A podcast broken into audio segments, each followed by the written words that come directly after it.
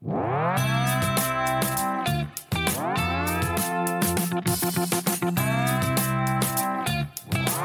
här podden finansieras av Tillväxtverket, Region Jämtland Härjedalen och Europeiska unionen, Regionala utvecklingsfonden. En podcast som vill belysa hur besöksnäringen och turismen bidrar till regional tillväxt.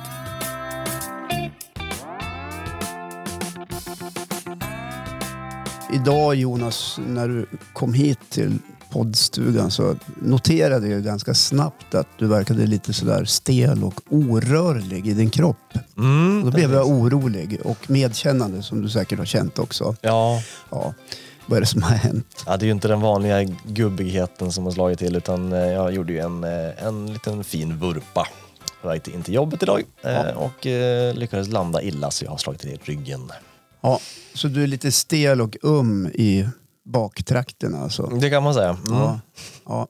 ja, men det är härligt att ha dig här i alla fall. Och Ja, men tack. Jag hoppas att det inte blir något bestående men Du ler ju så att det kanske inte är så himla allvarligt. Nej men precis, från, eh, från nacken uppåt känns allting bra. Ja, det här är JHT-podden och idag är självaste vdn här igen. Mm, jag är här igen. Therese Gerdin, hej. Hej. Hur är läget?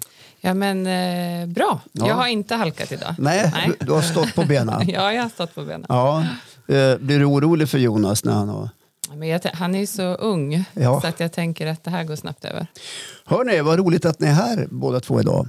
Tack. I detta underbara eh, väder när vi spelar in. Det är den sista mars idag och imorgon är det första april. Är det något Mm. ni har eh, liksom tänkt över ordentligt? Nej, men jag, jag har ju två barn då, så att, och framförallt den yngsta. Jag är redo för första april. Jag brukar alltid gå på någonting som de lurar mig på. Okej.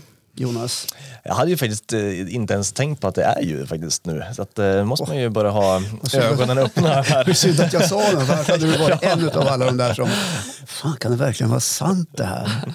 Och, och, och, vi står ju inför en årstid här uppe som vi brukar kalla vårvintern. Eh, och det är kanske en av de underbaraste tiderna man kan ha när man bor eller besöker fjällvärlden. Just den här perioden när det börjar liksom bli övergång till riktig värme, att få vistas ute i fjällen och känna liksom det där. Vad tycker du är så underbart med det? Ja, men vi har ju fem årstider brukar vi säga. Eh, så att, och, och varje årstid har ju sin skärm. Både tycker jag det är privat men också i det uppdrag som vi har då med besöksnäring så, så finns det något sätt över alla årstider. Mm.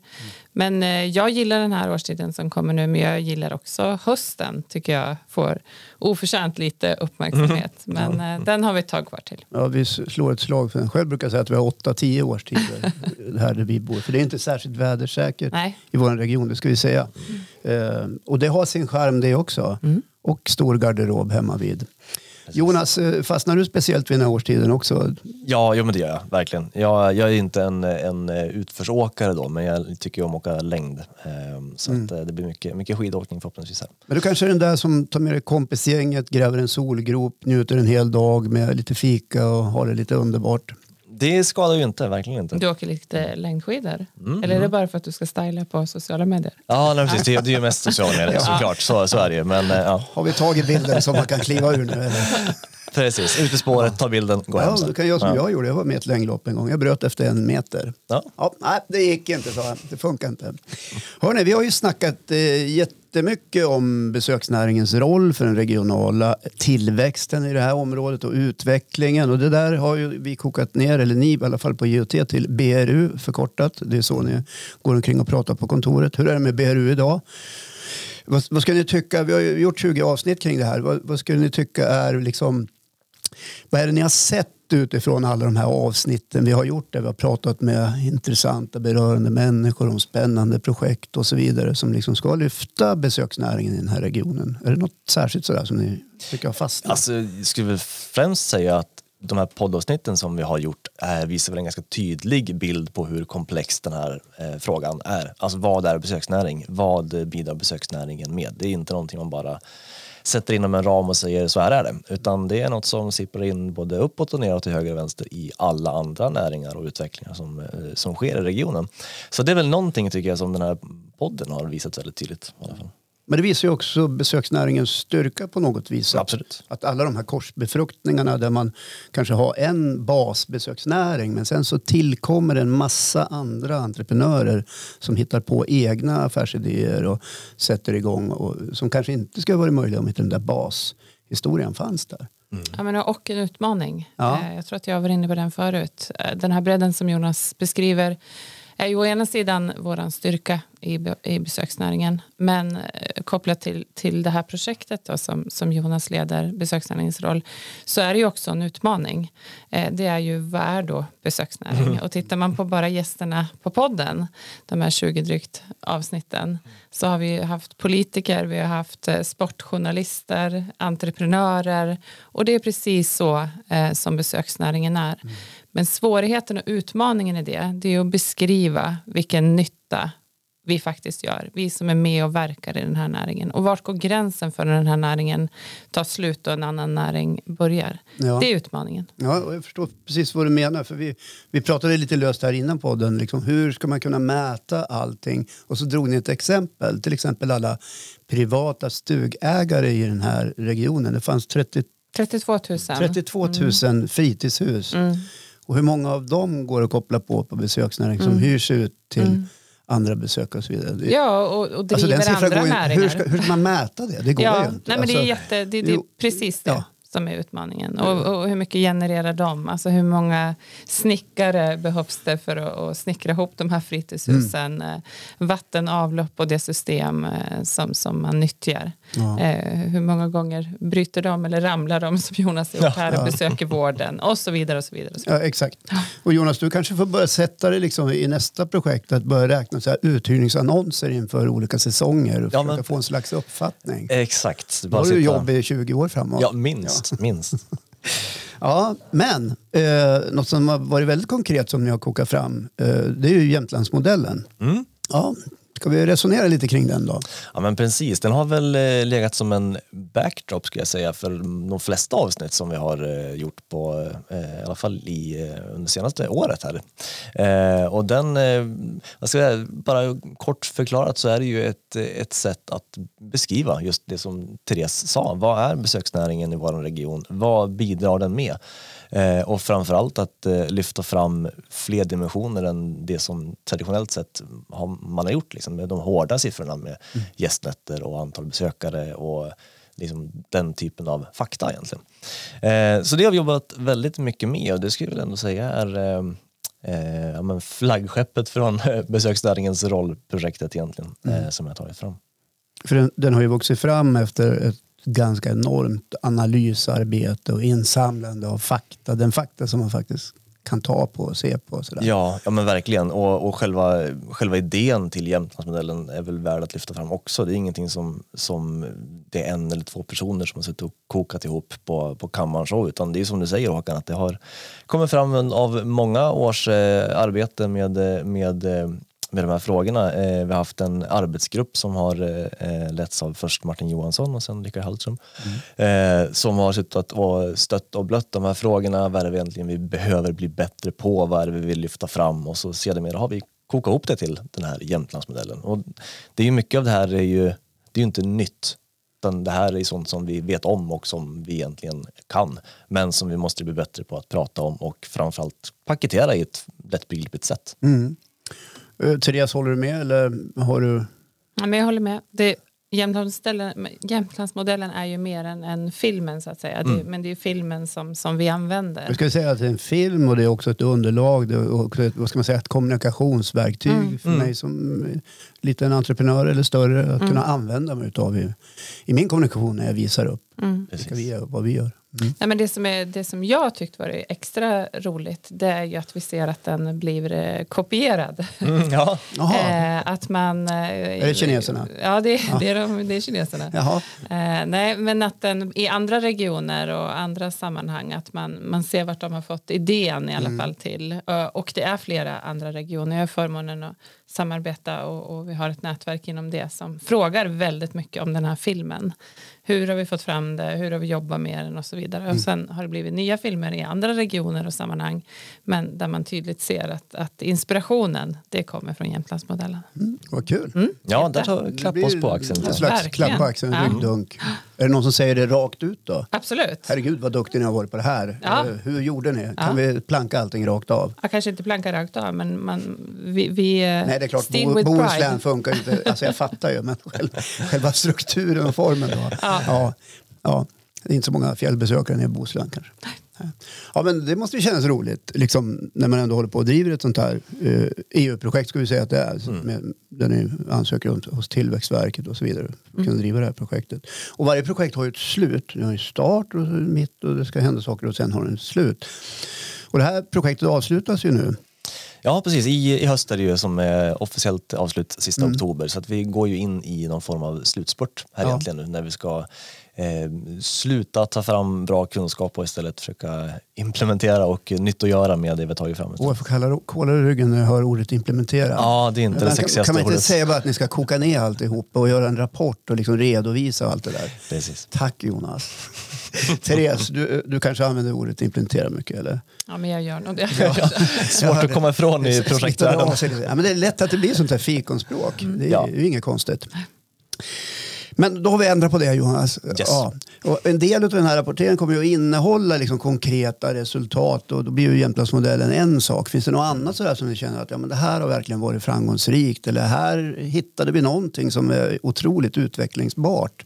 Ja, men alltså, Jämtlandsmodellen ska ju sägas att det är ju en samling av mycket egentligen. Eh, och eh, det, det har gjort saker inom projektet innan Jämtlandsmodellen blev Jämtlandsmodellen också.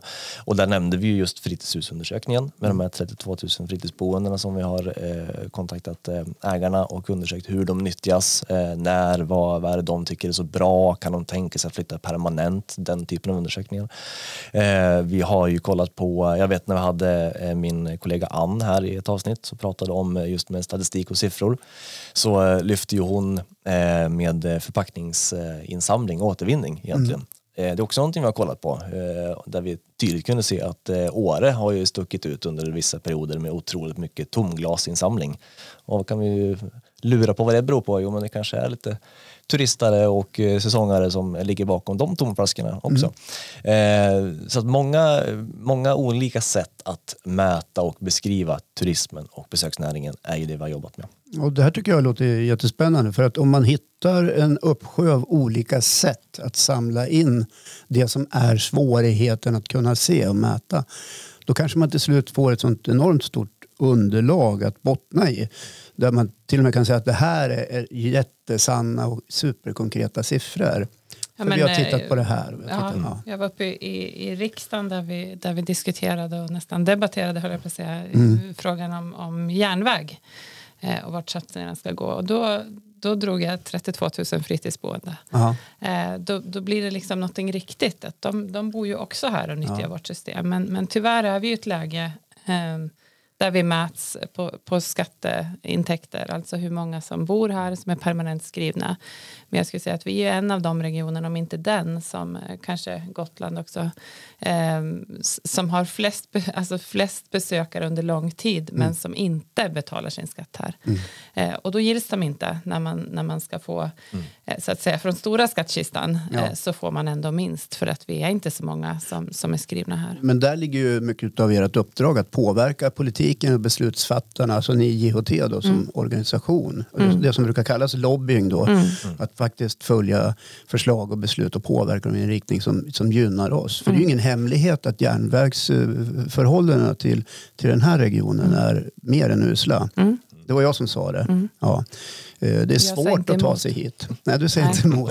Eh, Det är svårt att ta sig hit. Men där, där är ett, ett sånt exempel. Där, där liksom, eh, det som har kommit ur det här projektet är ju sånt som jag använder. Och det var ju ett mål Ja. som jag ville få fram. Att, att hur, kan, hur kan, när jag går och när jag, jag vet allt det här. Mm. Men nu får jag den som inte förstår att förstå Ja, jag förstår. Och, och när de förstår, de som inte förstår, fattar de då att man måste också ha en, skapa förutsättningar för att en besöksnäring ska kunna växa och utvecklas och att man når det här tillväxtmålet med mer inflyttning och Mm. mer skatteunderlag. Ja, och men att det är vi- svårt vi är om vi inte har väg, en vi fungerande infrastruktur. Mm. Nu gick jag igång här kände jag. Ja. Och det är lätt att göra Vara det. med på nästa möte. Ja, nej, men jag vet ju att också er ordförande Bo- Bosse Svensson har pratat mycket om de här Mm. grejerna. Att, eh, det är liksom en brist för den här regionen som ändå omsluter vad är det, 5-6 miljarder kronor Mm. årligen i, i besöksnäringen. För det kan man ju också se i Jämtlandsmodellen. Mm. Man kan göra en poddserie bara om infrastruktur Eller hur? Ja, Infrastrukturpodden. Ja. Vilket sexigt namn. Oj, oj, oj. Ja. Nästan en klass med implementering faktiskt. Ja. Nej, men för det kan ju vara så här, man, å ena sidan så, så liksom, utlyser man diverse projekt som ska leda till någonting men sen finns inte den här grundförståelsen någonstans för att, är du med hur jag menar? Så det är ju lite intressant. Eh, Therese, JHT då, eh, vart står de idag då i jämförelse med när det här BRU-projektet startade? Mm. Eh, Jag, jag kom ju och tillträdde som vd samtidigt som BRU satte igång, nästan på dagen. Vilken timing. faktiskt. Ja. Eh, så att, eh, ja, men där vi är idag, det har ju följt lite BRU. BRU har ju passat väldigt, väldigt väl in i, i eh, JOTs verksamhet. Sen är det ju så med projekt, de får inte tangera i ordinarie verksamhet, vilket det inte har gjort, men det får inte heller vara för långt ifrån ordinarie verksamhet. Så man ska hitta den där lilla gyllene medelvägen någonstans i mitten och det har vi gjort med BRU. Mm. Nej, men vi, jag var ju här och pratade med min ordförande och då var jag inne på det också. JOT är fortsatt på en resa. Eh, vi börjar tydligare se vart vi ska. Eh, jag vill leda och ansvara för ett IoT som är långsiktigt långt efter att både ja, men jag i alla fall inte är kvar och, och de som jobbar där idag ska känna sig trygg. Eh, det handlar, vi pratar mycket om hållbarhet. Jag vill göra ett hållbart IoT för oss som jobbar där. Jag vill ha en stabil ekonomisk grund och jag vill ha en tydlighet i vårt uppdrag från uppdragsgivarna. Eh, då kan vi också börja bli tydliga i utförandet. Vi har kommit en jättelång bit tycker jag på de här två åren i alla fall. Men vi har en bit kvar och dialoger förs eh, med våra finansiärer och våra ägare. Men det finns, tycker jag, idag en, en otydlig struktur i det här ägandeskapet. Och det sitter jag tillsammans med min styrelse och eh, flurar på hur, hur vi ska göra. Och vi har i uppdrag under 2023 att reda ut det här. Aha, okej. En otydlig ägarstruktur. Eh, Det är tillräckligt luddigt för att Mm. Ja. inte jag ska fatta vad Ja. du menar. Men om du, om du kokar ner det. Vad, Ja, men vi har ju ägarandelar, 164 stycken idag. Jag tror att det var 220 när man startade 1995. Ja. Idag kanske någon äger eh, 10 andelar i IoT och en äger en andel. okej. Men jag kan inte stå här idag och säga att den som äger 10 får ut 10 gånger så mycket av förstår. oss. Men har Eh, man då tio gånger så stort inflytande då över Jag skulle vi komma också? till det läget men där har vi aldrig hamnat Nej. egentligen heller. Och jag skulle säga att de, de, som, eh, de som vi hjälper mest så att säga det är de som har få andelar för de har inte manskapet, kunskapen och kapaciteten. Så det, är- det är de mindre egentligen som vi gör mest pang för pengarna för. De stora har ett eget system. Men är ju så viktig i det här kollegiala liksom, helheten av en region. Och sen också regionen då som, som vår huvudägare. Så mm, vi vill ju mötas någonstans i det här. Vad vill de att vi ska vara? Och vad tycker vi och tror vi med vår kompetens och kunskap att vi behöver vara? Mm. Eh, Så för de, för de här mindre så är ni verkligen den här klippan att luta sig emot när det eh, finns frågor eller funderingar kring hur ska jag göra med min besöksnäring? Hur ska jag utveckla den? Vad finns det för kunskaper jag kan ta del av för att själv förstå hur jag ska göra? Ja, men lite så. Och sen den där lilla behöver ju eh, de stora och de stora behöver de små. Allt det här går ihop så att säga. Men, men den lilla aktören får ju ett sammanhang via oss i landsturismen skulle jag säga. Eh, och sen, sen är vi ett litet land till ytan men vi, vi, turistiskt sett så ser vi väldigt, väldigt olika ut. Om man tittar på Östersund där vi står just nu så brukar eh, Micke Jonsson som är vd på Destination han, han brukar säga att Eh, evenemangen, det är våra toppar och dalar, något i stil med det.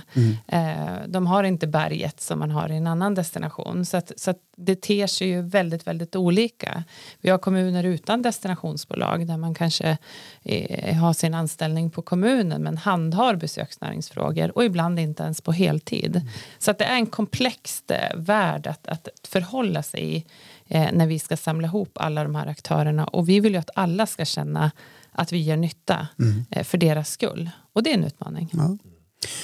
Och vi har ju haft många av de här gästerna här under de här 20 avsnitten eh, som Therese beskriver, både de stora drakarna med sitt berg och de som i Micke Jonssons fall då, som är då vd för destinationsbolaget i Östersund som pratar om eventen, att det är det som är deras liksom bäring, det är det, det nålsögat de ska passera genom varje gång för att Eh, skapa en bra destination, bland annat. Eh, är det några sådana här gäster som, som ni tycker liksom satte ett, eh, vad ska man säga, ett litet avtryck hos er, Jonas eller Therese? Jag menar, eh, bara för att ta ett exempel som ganska nyligen då när vi hade eh, Eva från eh, Fjällhornet här som... Eh, Jag står också och tänker på ja, henne. Ja men precis, hon, hon, hon, eh, då pratade vi om värdskapet i, i det avsnittet och, och hon är ju en fantastisk ambassadör för värdskapet i sig och för, för eh, sin, eh, sin anläggning och för, för Ljungdalsfjällen och hela delen där. Så att, Alltså eh, hon var så löjligt glad när man pratade med henne i Ja. telefon för att förbereda inför inspelningen av avsnittet med henne. Så att, eh, till och med jag kunde luta mig bakåt och bara ta in hennes flöde via telefon. Och sen när hon dök upp här i, i studion. Det var ju ett enormt brett leende och det finns inga problem. nej men precis. och det var rätt fantastiskt att träffa en, en sån personlighet. Ja, Ja. och sådana har vi ju fullt av ute i, i, i vår besöksnäring i regionen. Eh, den typen av personer och det är helt fantastiskt. Eh, men sen också ett, ett, eh, ett ämne som vi återkommer till flera gånger är ju samverkan. Det har vi pratat om i nästan varenda avsnitt på något sätt. Eh, och det kan vara samverkan mellan de stora evenemangen i, i, i regionen och stan som vi har pratat om. Det kan vara över kommungränser med kommuner och destinationer. Det kan vara mellan eh, besöksnäringsföretagaren och rörmokaren och taxifirman på den lilla orten. Det, det finns ju så många olika skepnader det här med samverkan. Eh, Och här har är ju också drivit samverkan. Jag tänker på det Precis. här projektet som Andreas, eh, vad heter han? Edholm. Edholm. Edholm och Johan Eriksson har genomfört och som vi också har gjort ett avsnitt om. Där man har inventerat hur det ser ut med privata vandringsleder. Exakt. Eh, eller vandringsleder på privat mark är det väl. Som var uppe mot 260 mil i den här regionen. Som för mig var en enorm nyhet. Mm. Ja men precis. Ja, och som också satte igång såna här tankar och funderingar. Herregud, här måste vi kunna gå och utveckla. Jag menar, hiking, det är ganska hett att vara ute och vandra. Det är ju sånt som händer när man får reda på nyheter. Man Mm, börjar tänka lite grann. Spännande. Eh, och en av de här stora grejerna då med eh, eh, det här projektet besöksnäringens roll för regional tillväxt. Vad, vad tror ni att det kommer att landa i om ni, om ni tittar i påsen ni har just nu? Liksom vad, vad kommer att vara det liksom stora resultatet ni redovisar någonstans? Min förhoppning är ju att dels såklart, nu kommer jag tillbaka till Jämtlandsmodellen igen, men den är svår att inte prata om. Eh, men Ja, att, ju det, den har ju kommit fram. Exakt, den är ju en, en stor del i det här och, och eh, min förhoppning är ju att eh, eh, den ska fungera så som den är tänkt. Det vill säga få fler att få upp ögonen för vad besöksnäringen är och bidrar med. Och det är allt ifrån eh, Kalle Kanot som vi har skämtsamt pratat om tidigare, den lilla företagaren eh, som är en jätteviktig och stor kugge i systemet. Upp till eh, rikspolitiken som, som eh, Therese pratade om också. Ehm, och, eh, så att det, det är min förhoppning att den faktiskt- kan eh, bidra med att göra någon form av eh, skillnad i alla fall. Och det är det man vill se efter ett projekt. Att det blir något bestående som går att använda framåt. Antingen blir det en ny rörelse eller så blir det ett arbetssätt eller ett synsätt eller ny kunskap som går att använda. Och det har ni ju redan ett kvitto på eftersom det plankas lite grann. Mm, Mm, absolut. exakt, precis. Men sen det har ju kommit fram andra spännande saker också som, som, eh, eh, som är ett tydligt resultat av projektet också där vi har gjort inventeringar av våra aktörer i regionen inom, inom natur och kulturturism och camping och ställplatser och där eh, just campingsektorn och det är en, en målgrupp som vi har identifierat som väldigt viktig i vår region också. Ja, för det är nu du ska släppa bomben. Ja men precis, vi kan inte släppa en fullvärdig bomb men vi kan nej, en liten, en liten bomb en liten bomb som Ja. jag hoppas smäller högt eh, längre fram. Eh, men det, det, det som eh, själva bomben är ju att inventeringen ledde ju fram till en helt ny projekt är det. Ja. Eh, där vi i det här projektet identifierade ett tydligt behov av just samverkan, kom vi in på igen där. Och att ja, men hjälpa campingaktörerna att eh, samordna och erfarenhetsutbyta med varandra, eh, lära känna varandra bättre, utveckla sig framförallt på den digitala delen med eh, hur man eh, ska kunna nå eh, nya marknader och, och eh, utveckla så. Så det, där har vi en projektansökan som ligger och skvalpar i inboxen hos Tillväxtverket nu och som vi hoppas ska kunna gå igenom Ja. Så att, det är jättekul att vi har kunnat ta fram det i det här projektet också. Roligt. För man har ju knappt någon aning om hur stor camping... Men vet du hur många som identifieras? Ja, jag, jag, eftersom du frågar mig så vet jag ju inte. Nej. det Men är dra en ingenting som man går, fan, vaknar i morse. Gissa. I Ska jag gissa Jämtland egentligen här i Dalen? Alltså hur många så, alltså Campingaktörer. regelrätta campingar? Okej, Och jag, ställplatser blir ju en. nej, men om jag drar till med en, med en vild gissning då. Vi, vi, vi, är åtta kommuner och så, det är åtta campingar där då säger vi. Och så har vi lite andra små tätorter. hit och- 27? Ja, nej, du får lägga på lite. 120. 120? ungefär. Ja. Nej, men för mig är det en slående siffra och Mm. eh, jag fick förmånen att vara med en liten stund på en av de här campingdagarna. Och, och det som snabbt eh, liksom kommer till mig och, och även från eh, mitt, mitt tidigare uppdrag med en annan arbetsgivare men inom besöksnäringen så har den här gått och grott ganska mycket. De här campingaktörerna är ett så lysande exempel på besöksnäringens roll. Av de här 120, då, visst de kommer i princip med sitt eget hem. Men vad, vad genererar de? Vad betyder hotingscamping för hoting? Vad händer om hotingscamping inte skulle finnas kvar? Ja, då Vad måste man händer- fråga de som bor i Hoting Ja. och verkar där. Trist, tråkigt och, och mindre ekonomiska såklart. effekter skulle Ja. det bli för handel. Och, ja, du förstår. Eh, och, och det som slår mig på, på den här stunden jag fick vara med det är att de har en sån otrolig suktan eh, till, till ett sammanhang. Eh, de känner sig, min upplevelse i alla fall att de står en bit utanför. Det, liksom, vilka är de? De behöver få mer plats men de behöver också få hjälp att ta mer plats. Och därför eh, så har vi, eh, det var faktiskt Johan Erikssons idé på lunchen, sen så här, du Tessan, jag har tänkt på en sak. Och då höll jag precis på att skriva ett ganska stor, eh, stort projekt. Och, och då sa jag så här, åh nej, du får inte, fortsätt inte prata. Men den där låg och grodde, så att eh, hipp som happ så kände jag att nej, det här är för bra, vi måste sätta oss och plitta på det här. Eh, så, det, så det ligger in en ansökan. Sen, ska, sen är det många svängar kvar innan Ja. den, den är beviljad. Men där, där kan man se ett tydligt, tydligt, tydligt behov eh, av ett resultat som kommer från den här. Så att här har vi ju faktiskt grundat ordentligt med, med en tydlig inventering som ligger till grund eh, för att vi vill fortsätta och göra nytta i det här fallet med, med campingsektorn. Ja, vad spännande. Eh, och, och den kommer säkert att överraska.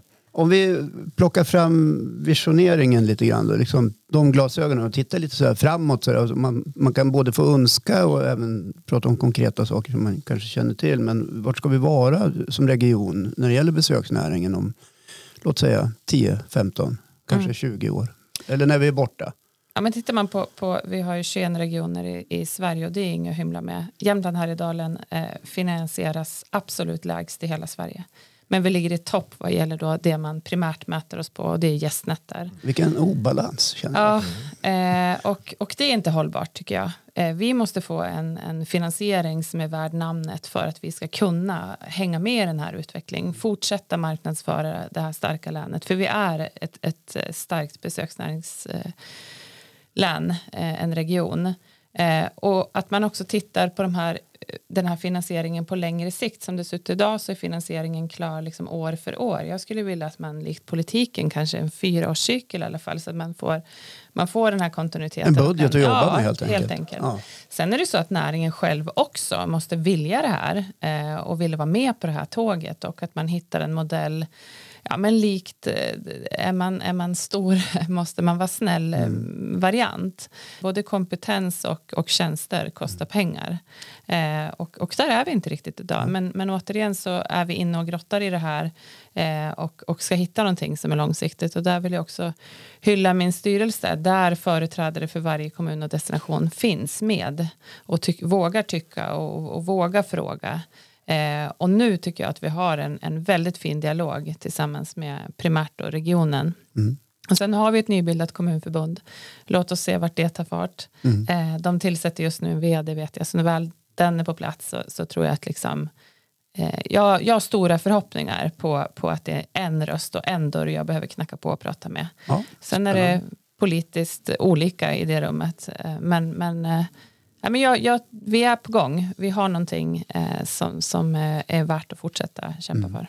Och att man inte gör ett antingen eller förhållande, att det är besöksnäring eller vård och omsorg, Nej, utan det precis. kan vara ett och där också. Ja, precis. Eh, dit vill jag komma. Ja. Jonas, har du någon sån där Alltså jag kan där bara, borta? kan bara stämma in med det Therese har sagt. Eh, och kanske framförallt det här sista, att det inte behöver vara ett eller utan ett, ett och där. Ett och. Eh, där vi kan se eh, besöksnäringen som en väldigt viktig del i, eh, eh, som en samhällsbyggare också på många sätt och vis. Eh, med allt vad det innebär med eh, att skapa lokal stolthet och skatteintäkter och hela den delen som faktiskt ger eh, pengar tillbaka också. Ja, men, och det sista, men, men vi omsätter 5 miljarder kronor i, brinnande pandemi. Och det ska man faktiskt komma ihåg. Vi sysselsätter 8 000 människor, också mätt under, under pandemi. Det ska man komma ihåg. Vad gör vi med de skatteintäkterna? Jo, den går också till till exempel vård, omsorg och så. Så om vi minskar på det och förutsättningen att driva besöksnäringen framåt, då kommer det inte vara 5 miljarder, då kommer den att minska. Och, och då förstår vi själva vart det här ekorrhjulet är på väg. Alla näringar är viktiga och vi som verkar i den är jätteduktiga på samverkan. Men då måste vi ha ett styre om politik eh, som, som också vill göra det tillsammans med oss. Ja, det får bli de avslutande orden för det här avsnittet. Hörni. Ja. Ja, så får ni ha en alldeles underbar helg. Det är den som klappar på dörren den här dagen när vi spelar in. Det är fredag idag. Ja. Och ni som lyssnar, för er är det ju torsdag morgon. Eller Men torsdag. då är det snart fredag för dem Ja. också. Precis. Ha det så bra hörni, så tills vi hörs igen. Tack snälla. Tack. Hej. Tack.